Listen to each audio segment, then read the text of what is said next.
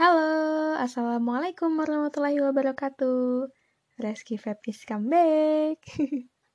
Comeback ya ampun. Karena emang udah lama banget aku nggak update episode sedikit cerita guys. Maafin ya, belum konsisten. Tapi ya nggak apa-apa lah. Yang penting uh, yang punya channel masih ada niatan buat sharing-sharing apa pun itu meskipun lama. So, uh, semoga teman-teman semua dalam keadaan sehat ya. Kali ini aku mau sedikit cerita soal apa ya? Kali ini sedikit beda sih kalau kemarin aku sharing-sharing soal kepenulisan, soal insecurity atau personal development lainnya.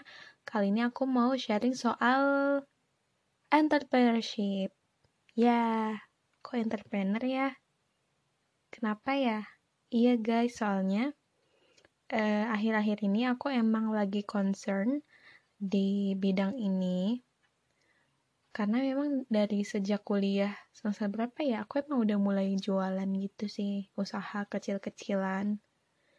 Ya hitung-hitung belajar memiliki penghasilan sendiri gitu. Tapi sekarang uh, ya apa ya emang udah ada niatan aja gitu. Kayaknya seru nih uh, kalau jadi entrepreneur gitu. Jadi akhir-akhir ini memang aku fokusin buat memperdalam skill dan pengetahuan di bidang ini. So, kali ini kita mau cerita-cerita soal ilmu branding. Yeay, udah pada kenal dong ya teman-teman. Branding, kalau dari segi frasa, mungkin udah nggak asing lagi karena sering banget emang kita dengar minimal kalau lagi belanja yang hedon-hedon pasti identiknya dengan barang-barang branded ya enggak brand tuh terucap lagi.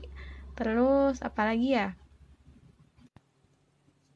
Kalau versi aku dulu tuh waktu masih kecil suka nemenin emak belanja ke warung misal. Beli sabun pasti yang dipilih yang ada logo bulet-bulet terus tulisannya top brand Cile pokoknya kalau udah ada kayak gitu pasti barang bagus nih gitu. Ya gak sih? Terus apa lagi ya? Beli susu. Beli susu yang brand. Apa sih kok jadi ke situ-situ? Oke skip. Sebenarnya teman-teman udah pada tahu belum nih brand itu apa? Brand sama branding beda loh ya. Nah untuk uh, pengetahuan soal branding ini, aku dapat ilmunya dari Om Jaya Setia Budi dan Kak Arto Biantoro. Pada kenal gak nih sama mereka?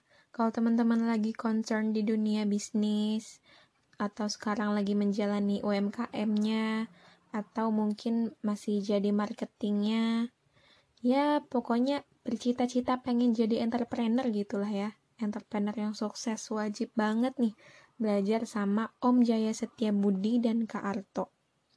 Kalau Om Jay ini aku pertama kali dengar nama beliau dari mentor aku yang dia juga merupakan sosiopreneur.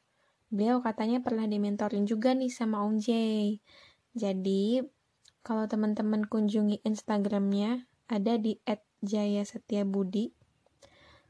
Katanya eh, beliau itu bukan ustadz, bukan motivator, melainkan juragan cina. Intinya beliau juga merupakan pengusaha sukses yang uh, saat ini aktif membimbing para pelaku usaha atau pebisnis mulai dari yang skala kecil sampai besar. Ada program Aku Sapa juga yang sekarang lagi beliau jalankan. Aku Sapa tuh apa ya? Uh, program pembinaan UMKM di kala pandemi gitulah pokoknya sekarang lagi dijalankan sama komunitas beliau di Etio Business. Pokoknya mampir aja deh nanti teman-teman abis ini ke IG-nya beliau. Biar bisa kenalan sekaligus langsung dapat banyak ilmu dari konten-kontennya. Nah, langsung aja deh ya. Jadi sekitar seminggu atau dua minggu yang lalu, aku ikutan workshop beliau yang temanya rebranding UMKM dari situ barulah aku paham kalau brand itu beda sama branding brand itu merupakan nama atau identitas sebuah produk yang memiliki makna, sedangkan branding adalah aktivitas untuk menaikkan value suatu brand atau merek ya. Bahasa Indonesianya brand itu merek. Meningkatkan value suatu brand itu sendiri supaya terhindar dari perang harga. Perang harga ini maksudnya gimana? Jadi kalau teman-teman uh, punya suatu produk, nggak mungkin dong uh, produk itu cuma dimiliki teman-teman doang. Misal jenis produknya ya, misal teman-teman jualan kerudung apa iya yang jualan kerudung cuma kita doang gitu pasti yang lain juga banyak kan yang jualan kerudung gitu apalagi kalau jenisnya sama misal kerudung pasmina terus kita uh, jual dengan harga 50.000 gitu dengan kualitas yang sama. Tapi mereka jual dengan harga yang lebih murah. Nah itu tuh kalau misalnya kita menjual produk yang pasaran dan itu banyak kompetitornya banyak kompetitor kompetitor susah amat sih ngomongnya banyak kompetitornya gitu. Cara-cara konvensional biar produk kita cepet laku tuh yang paling enggak ya uh, kita ngelakuin perang harga itu harus lebih murah harus lebih apa gitu biar dilirik.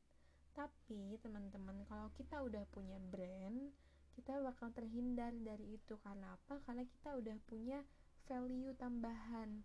Karena kita udah punya apa ya uh, suatu hal yang beda gitu lah di produk kita.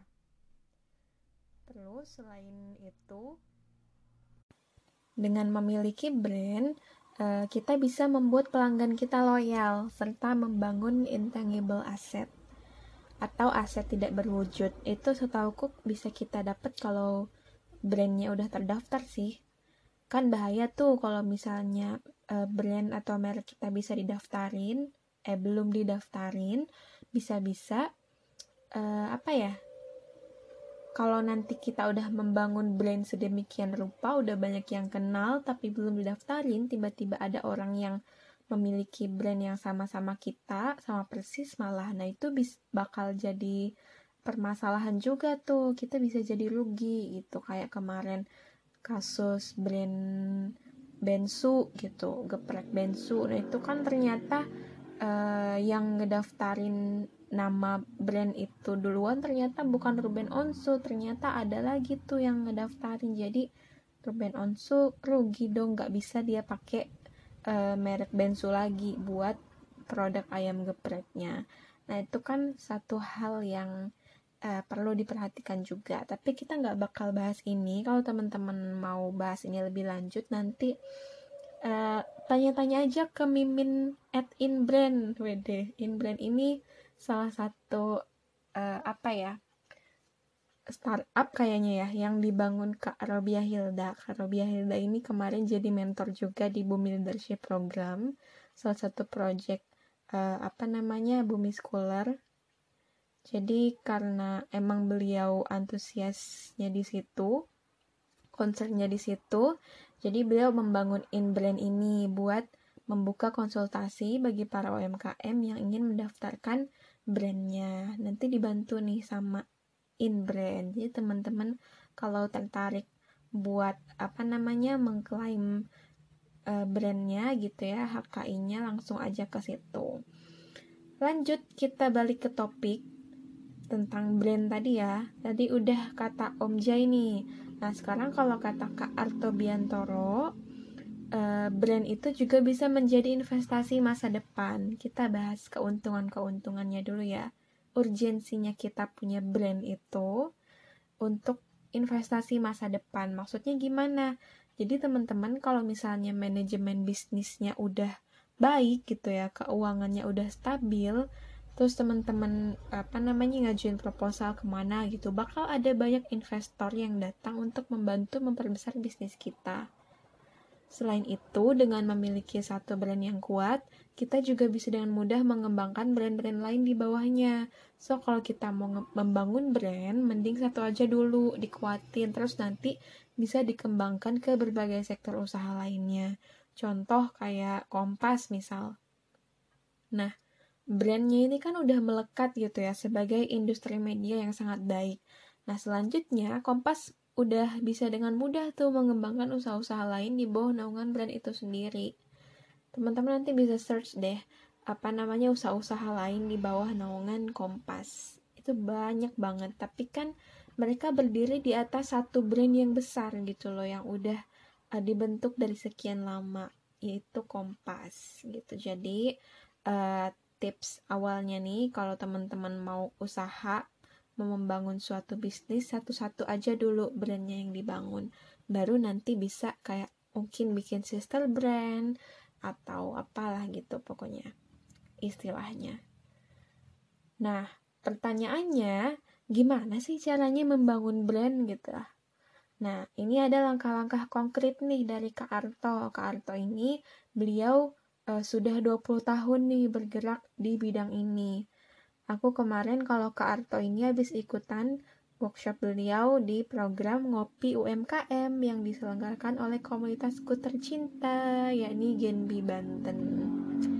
Nah, menurut beliau, kita harus tahu dulu 5 poin di bawah ini dengan detail. Apa aja ya poin-poinnya? Yang pertama, siapa konsumen kita? Ini aku mention semua dulu ya. Pertama, siapa konsumen kita? Yang kedua, apa masalah yang ingin kita selesaikan? Yang ketiga, apa yang unik dari brand kita? Yang keempat, apa makna brand kita dalam satu kata atau kalimat? Dan yang kelima, komunikasikan. Nah, sering kali usaha kita tuh sulit berkembang karena emang di pertanyaan pertama aja kita belum spesifik gitu loh ngejawabnya. Tadi kan pertama, siapa konsumen kita? Misal, kalau kita mau jualan kerudung, konsumennya siapa nih? Oke, perempuan. Usianya berapa? 18 sampai 35 tahun. Terus apalagi pekerjaannya apa? Di mana? Uh, biasa di luar ruangan nih pekerjaannya atau di atau di dalam ruangan gitu. Sampai sespesifik itu pertanyaannya. Kemudian apalagi dispesifikin lagi? Bentuk wajahnya yang seperti apa? Tembem atau tirus itu nah itu juga jadi bahan pertimbangan gitu. Dan pertanyaan-pertanyaan seterusnya hingga benar-benar spesifik gitu. Siapa konsumen kita? Nah terus ada yang nanya nih kalau gitu bukannya marketnya bakal tambah sempit gitu ya? Kan tadi kalau misalnya jualan kerudung ya udah semuanya bisa beli kerudung. Ya ini kerudung gitu loh buat para cewek. Tapi kalau dispesifikin lagi buat apa namanya tadi? Kayak buat yang kerja di luar ruangan yang pipinya tembem yang pipinya tirus bukannya bakal tambah sempit ya marketnya?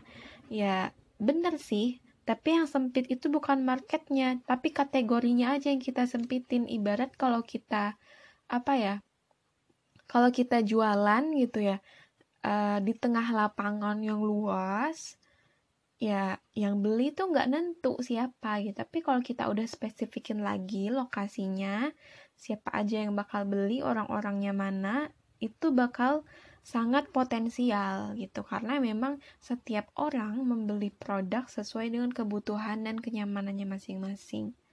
Kalau kata Kak ada 5000 brand yang setiap hari terekspos di, ke, di keseharian kita. Makanya kita wajib menspesifikasikan pasarnya gitu. Kemudian yang kedua, apa masalah yang ingin kita selesaikan?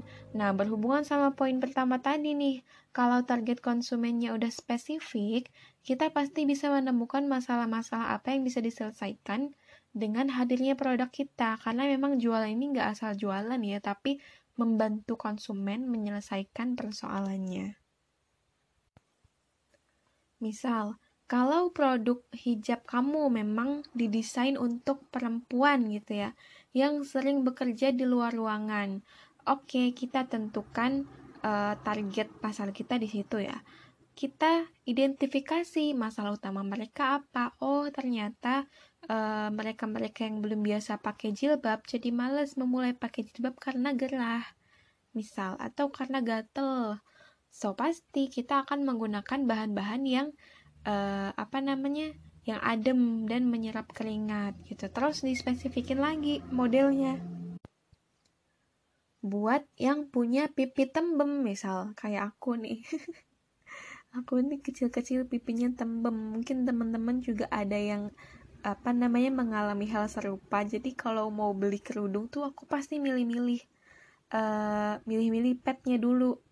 Karena kalau misalnya kan ada tuh macam-macam kerudung yang dia nggak ada pet pet itu kayak apa ya topinya gitu deh di bagian muka.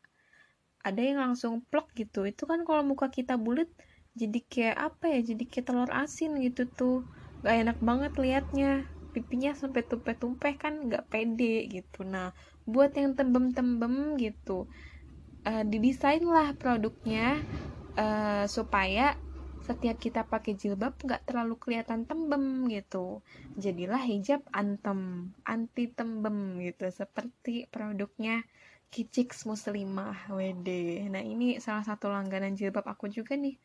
Nggak promosi aku karena emang suka aja gitu bukan aku yang jualan guys nah kalau udah spesifik kayak gini gitu ya konsumennya bakalan datang sendiri gitu kalau udah tahu nilai tambah dan keunikannya dibanding merek-merek lain. Gitu. Selanjutnya, yang ketiga, apa yang unik dari brand kita? Nah, ini intinya ditambahin lagi deh ya value apa yang nantinya akan menjadi ciri khas produk kita. Bisa dari bahan bakunya, cara produksinya, kemasannya, atau yang lain-lain. E, misal ada kalau kemarin tuh diceritain sama uh, sama Om Jay apa Kak Alto ya jadi kayak ada satu produk gitu homemade tapi yang yang bikin unik mereka itu mempekerjakan masyarakat-masyarakat yang berkebutuhan khusus gitu atau disabel atau disabilitas gitu. Nah, itu kan bakal ningkatin apa ya? Uh, bakal ningkatin value iya, bakal mengikat emosional para konsumen juga iya gitu. Karena mereka tahu dengan mereka membeli produk itu secara tidak langsung mereka juga membantu para uh, masyarakat-masyarakat disabilitas ini juga uh, menopang kebutuhan hidupnya gitu. Itu kan jadi satu hal yang unik juga gitu dibanding merek-merek uh, lain. Atau dari segi kemasan misal, kalau misalnya kita jualan keripik pisang, dengan kemasan yang sama sama merek-merek lain gitu, itu kan gak ada ciri khas. Harus ada hal yang beda gitu baik dari segi desain warna atau dan segala macamnya gitu. Pokoknya harus apa ya harus mencolok lah perbedaannya. Karena kalau kata Om Jay merek tanpa diferensiasi yang kuat hanyalah komoditas yang dilabeli. Banyak kan teman-teman sekarang uh, kayak beli apa ya? Beli produk-produk makanan curahan gitu kok yang bal-balan. Terus dikemas ulang tuh. Tinggal ditempelin pakai label kita sendiri gitu. Ya itu kalau kata Om J belum bisa dikatakan brand karena emang diferensiasinya belum kuat gitu. Cuma komoditas yang dilabeli gitu. Ya udah ini uh, labelnya ini gitu tuh. Belum membentuk brand yang sesungguhnya gitu. So pikirkan baik-baik untuk poin ketiga ini teman-teman. Next poin keempat. Apa makna brand kita dalam satu kata atau kalimat? Nah ini nggak boleh sembarangan juga. Harus uh, nama brandnya itu harus mencerminkan makna atau paling tidak mewakili gambaran umum dari produk yang kita punya. Selain itu, mereknya juga harus sellable atau uh, mudah dipasarkan gitu ya. Intinya mudah diingat oleh konsumen. Jadi ternyata nama-nama brand ini harus di apa ya harus dianalisis dulu nih nama brandnya kira-kira bakal laku nggak ya di pasaran kira-kira artinya bagus nggak ya kira-kira udah banyak yang pakai belum ya dengan kata-kata atau kata-kata uh, atau nama yang seperti ini gitu. Karena kadang kalau misal produknya apa ya produknya terlalu banyak pakai kata i itu mencerminkan ini apa ya terlalu sempit gitu uh, mereknya atau apalah gitu. Itu mungkin ada analisisnya tersendiri nanti. Pokoknya nama brand juga harus benar-benar difikirkan baik-baik.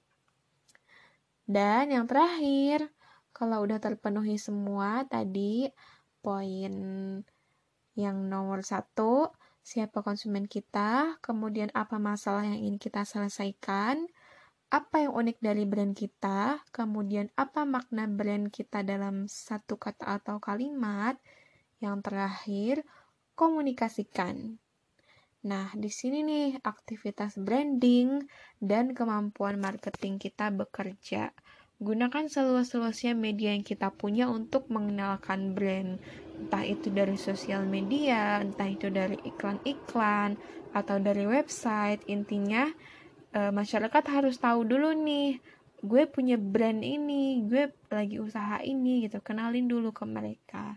Apa value-value yang uniknya, nilai tambahnya apa aja, keuntungan mereka kalau pakai produk kita apa aja. Nah, itu harus dikomunikasikan sedemikian rupa. Nah, begitu teman-teman langkah-langkahnya. Kalau misalnya belum paham juga, eh, kemarin pas aku ikutan workshopnya Om Jay, beliau nyontohin pakai eh, sebuah film, Cile. Mungkin teman-teman di sini udah ada yang pernah nonton film ini juga karena memang booming banget pada masanya dan sampai sekarang pun kalau ditonton lagi nggak bakal ngebosenin karena memang very very very very insightful. Clue-nya nih pokoknya ini filmnya tentang entrepreneurship gitu. Film dari negara tetangga bukan dari Indonesia ya. Pokoknya ini diambil dari kisah nyata yang dia uh, usahanya adalah uh, rumput laut. Nah lo, inget gak nih film apa nih kira-kira? Beliau karena dengan usaha ini jadi miliarder muda. Jeng jeng jeng, ayo. Yap, bener banget. Padahal nggak tahu nih jawab apa enggak para pendengar. Film Top Secret The Billionaire ini adalah salah satu film Thailand yang sangat memotivasi karena ceritanya diambil dari kisah nyata seorang pengusaha muda yang bernama Top Itipat Kulapong Fanih. Nah, bener gak tuh cara bacanya? Masih inget gak nih teman-teman yang udah pada nonton? Jadi ceritanya uh, si Top Itipat ini dulunya merupakan pecandu game online. Terus dia mendadak kaya tuh karena ada beberapa item games yang dia jual tapi kemudian ketahuan karena dia main gamesnya untuk keperluan komersil akhirnya dia nggak dibolehin lagi deh uh, main game online itu. Terus uh, dia beralih tuh. Pokoknya dari dulu emang jiwa bisnisnya udah ada nih. Jadi dia pernah jualan VCD apa gitu ya kalau nggak salah. Terus beralih lagi ke jualan kacang dia sampai rela ninggalin ujiannya demi survei-survei ke pasar. Gimana sih caranya uh, bikin kacang supaya enak gitu? Akhirnya dia nemu sebuah mesin kacang yang itu menghasilkan apa namanya produk yang enak beda dari, beda dari yang lain. Itu akhirnya dia yakin. Dan jualan tuh di salah satu mall gitu. Tapi gak bertahan lama karena mesin yang dia pakai ngotorin atap mall gitu. Akhirnya dia berhentilah dari usaha kacangnya itu. Terus uh, next time orang tuanya bangkrut dan harus pindah ke China tapi dia nggak mau ikut dia tetap stay di Thailand sama pamannya. Dan akhirnya kan dia balikan tuh sama uh, kekasihnya sama pacarnya. Nah akhirnya ide bisnis baru muncul nih waktu itu pacarnya bawain dia cemilan rumput laut. Nah dari situ uh, setelah dicoba ternyata apa namanya enak juga. Kayaknya ini bakal jadi peluang bisnis yang menjanjikan nih gitu. Ya di benaknya top itipat gitu deh. Karena memang uh, di sana jumlah rumput laut itu banyak terus yang bikin snack-snack rumput laut itu juga sebenarnya apa namanya apa namanya udah udah banyak gitu ya tapi nggak banyak yang gurih gitu yang enak itu jarang terus walaupun banyak yang jualan snack-snack rumput laut gitu belum ada yang punya merek yang jelas gitu. Jadi ya udah jualan aja gitu dengan kemas kemasan seadanya. Belum ada brand-brand tertentu yang emang dia produknya rumput laut itu. Nah, si top ini membidik satu peluang bisnis sih di sini gitu. Nah, udah tahu dilihat tanda-tandanya sepertinya ini potensial gitu buat dijadikan usaha. Akhirnya udah deh si top mulai coba-coba uh, bikin rumput laut, dia goreng sendiri. Tapi kok nggak enak-enak gitu ya rasanya gagal terus. Digoreng lagi, dicoba lagi nggak enak lagi. Sampai akhirnya kalau nggak salah pamannya apa ya waktu itu yang yang sakit atau kecelakaan? Sampai dia entah buru-buru atau apa jadi uh, kan waktu pamannya sakit itu kan dirawat tuh. Jadi top ini setiap abis goreng rumput laut selalu dibawain ke pamannya buat dicoba. Terus karena apa gitu ya? Sisa-sisa terakhir rumput lautnya itu kayak jatuh gitu ke jalan. Udah kena-kena hujan itu kan. Masih inget nggak teman-teman scene yang ini? Akhirnya digoreng lah tuh. Eh ternyata enak. Hasil yang terakhir ini gitu. Nah dia udah nemuin tuh resepnya. Nemuin resep supaya produknya dia nih ngangenin gitu salah satu tips apa namanya untuk melejitkan produk kalau kata Om Jai produk kita harus ngangenin gitu nah udah tuh ketemu resepnya akhirnya dia kemas deh produknya dikemas, kemudian gimana ya cara masarinnya gitu. Akhirnya pergilah top itipat ini ke 7-Eleven. 7-Eleven ini salah satu apa ya eh, tau serba gitu perusahaan retail yang memang memasarkan berbagai macam produk di mancanegara. Dibawalah produk eh, apa rumput laut tadi dengan merek Taukenoi tadi. Mereknya Taukenoi tapi kemasannya masih belum apa ya masih belum bagus kemasannya udah menggede banget kemudian belum ada ciri khas gitu. Kemasannya seadanya masih pakai plastik yang bening-bening gitu. Akhirnya pas dibawa ke 7-Eleven ketemu manajernya padahal itu produknya berkualitas gitu loh rasanya enak beda dari yang lain gitu.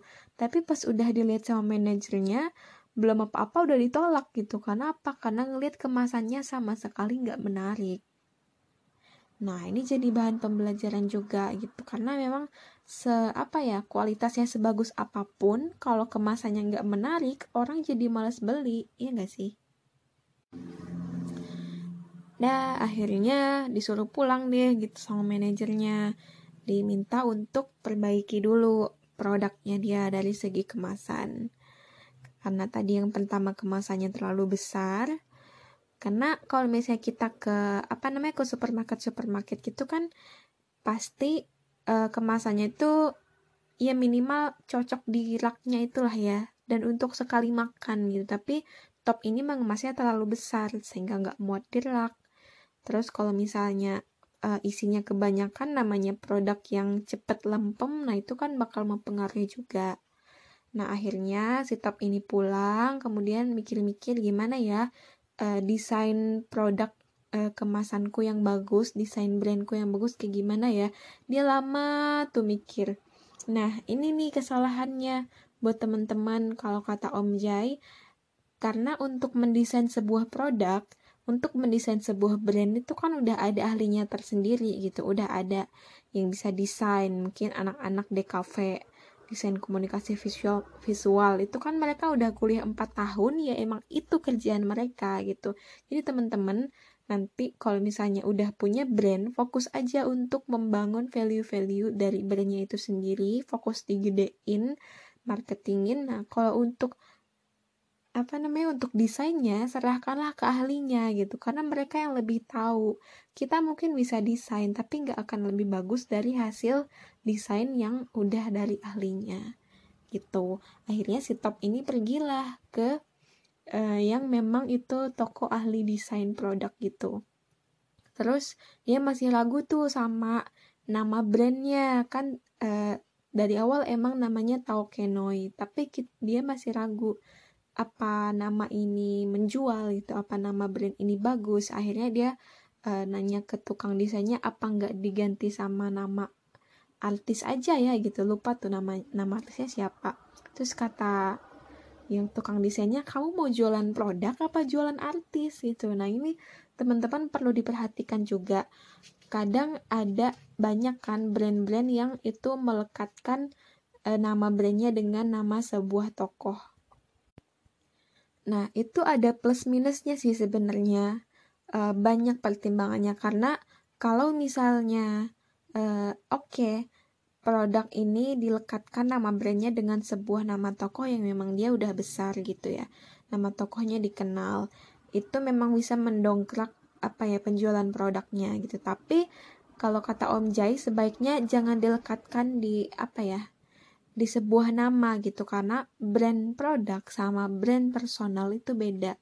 Kalau misalnya suatu saat brand personal itu jatuh jelek itu bakal ngaruh di produknya juga. Akhirnya apa? Di boykot atau eh, hal-hal uh, lain yang tidak kita inginkan itu bakal terjadi gitu. Jadi sebaiknya pilihlah nama-nama brand yang itu terhindar dari personal kita gitu akhirnya dipakai lagi deh tuh namanya Taokenoi dan desainnya juga sudah diserahkan sama ahlinya Akhirnya dia balik lagi tuh ke manajer 7-Eleven tadi dengan membawa uh, produknya yang udah dengan kemasan baru, dengan kemasan yang ciamik dan ukuran yang pas untuk sekali makan. Nggak terlalu besar kayak yang dulu. Tapi pas ditunggu-tunggu, manajernya lagi sibuk banget sampai akhirnya dia udah kelamaan nunggu, ditinggalin lah di lift kalau nggak salah produknya itu sekardus. Nggak tahu dah tuh si top uh, kelanjutan produknya gimana. Tapi ternyata pas karyawan-karyawan masuk lift itu yang ada produknya Taukenoi tertarik kan tuh karena emang ngelihat kemasannya yang warna ijo-ijo menarik banget gitu. Akhirnya dicobain dan produknya juga enak akhirnya booming tuh produk Taukenoi di kantor 7-Eleven itu. Akhirnya top dipanggil dan akhirnya berhasil memasarkan produknya di 7-Eleven bahkan udah ekspor ke berbagai negara karena memang apa ya kualitasnya udah oke okay, gitu ditambah dengan brand yang kuat dan kemasannya juga diferensiasinya sangat bagus dibanding dengan merek-merek lainnya akhirnya unggul deh brandnya Taukenoi jadi intinya teman-teman, kualitas itu penting. Apa namanya kualitas produk. Kalau produk kita baju misal kualitas kain atau jahitan dan segala macam. Kalau makanan dari segi rasa, dari segi bahan baku, kualitas itu penting harus dijaga. Tapi brand tidak hanya dibangun dari kualitas. Ada aspek-aspek lain yang tadi sudah kita bahas dan itu harus dimaksimalkan juga gitu karena kalau kita hanya apa ya kalau kita hanya mengedepankan kualitas ya udah ada harga ada kualitas itu kan ya. Itu berhubungannya dengan uang waktu upaya yang kita keluarkan untuk membuat suatu produk yang berkualitas itu tadi. Tapi kalau kita sudah punya brand yang di yang diharapkan yang bakal kita dapat itu adalah value. Dari apa value yang tadinya kalau cuma kualitas yang dijual ya orang rasional gitu tapi kalau udah ada brand bakal ada value emosional di situ.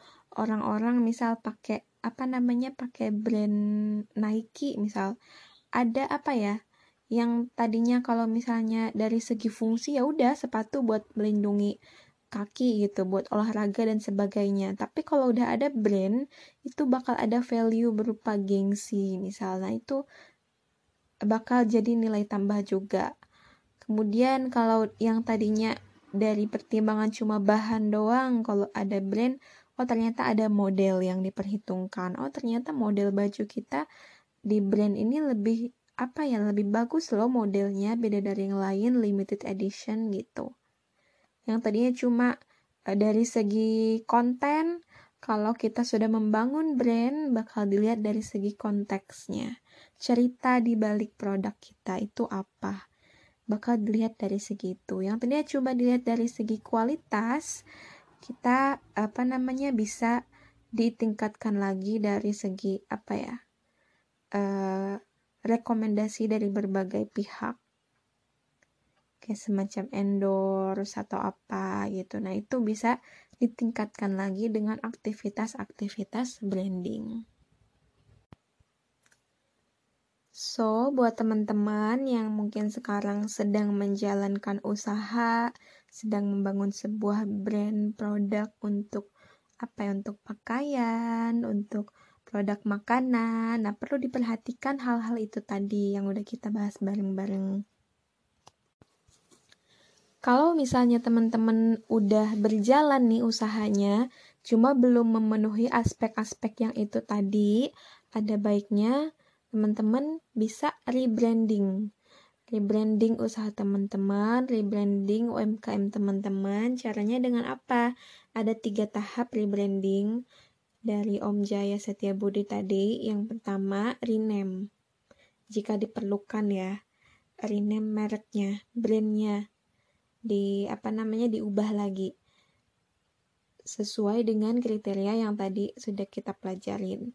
Pertama rename, kemudian yang kedua repackaging, ganti kemasannya yang tadinya masih apa namanya kemasan seadanya, coba didesain lagi sama ahlinya. Buatlah lebih menarik, lebih apa ya, lebih eksklusif lagi. Kemudian yang kedua repositioning kita naikkan value-nya. Kemudian bidik bidik pasar target. Karena kadang ada tuh kayak kerajinan apa gitu. Padahal ini nilai jualnya tinggi banget loh. Tapi karena dia kemasannya apa ya kemasannya ecek-ecek gitu ya kemasannya jelek banget dan kemudian cuma dipajang di empelan toko akhirnya nilai dia juga rendah gitu tapi setelah di rebranding kemasannya dibagusin pakai box eksklusif kemudian uh, dipasarkannya di tempat-tempat tertentu kemudian di endorse oleh tokoh-tokoh tokoh-tokoh ternama gitu akhirnya apa value-nya juga naik dan akhirnya yang tadi kerajinan sebelumnya dengan belum ada branding dihargai 50.000 misal bisa dinaikkan jadi berkali-kali lipat. Nah, itu kalau udah di rebranding. So, teman-teman, pokoknya semangat buat yang lagi menjalankan usaha, buat yang mau memulai. Intinya ada tiga sih Aduh berisik banget itu motor. Rumahnya di pinggir jalan guys, sorry ya. Pokoknya ada tiga kunci sukses uh, kita buat yang mau memulai sesuatu apa pun itu, baik di bidang usaha ataupun enggak.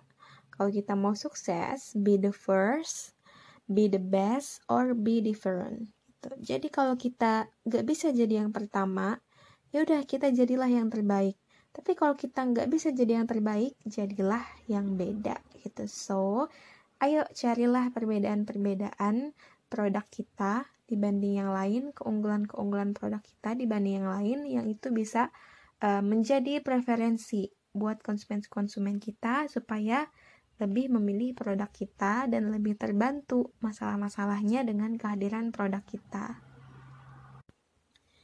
Oke, sampai sini dulu ya teman-teman sharing-sharing kita kali ini soal ilmu branding. Semoga bermanfaat, semoga menambah banyak ilmu dan bisa langsung dipraktekin nih sama teman-teman. Aku juga lagi sambil belajar, sambil praktek. Kita learning by doing.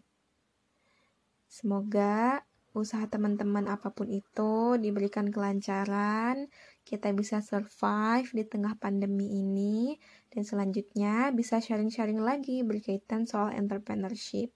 Doain ya biar aku konsisten terus buat sharing-sharing kontennya di podcast. See you guys semuanya. Mohon maaf apabila ada kesalahan. Jangan lupa uh, update terus keseharian aku Soalnya kadang aku juga suka share-share hal lain, nggak dalam bentuk podcast doang, tapi juga dalam bentuk tulisan atau status-status di media sosial, teman-teman bisa follow aku di @reskifab atau kalau mau kunjungin blog aku, di sana aku juga share tulisan-tulisan aku dan berbagai tips lainnya di reskifab.wordpress.com I-nya dua ya, reskifab reskifab.wordpress.com Dadah semuanya, see you guys in the next ex in the next episode on my podcast sedikit cerita. Assalamualaikum warahmatullahi wabarakatuh.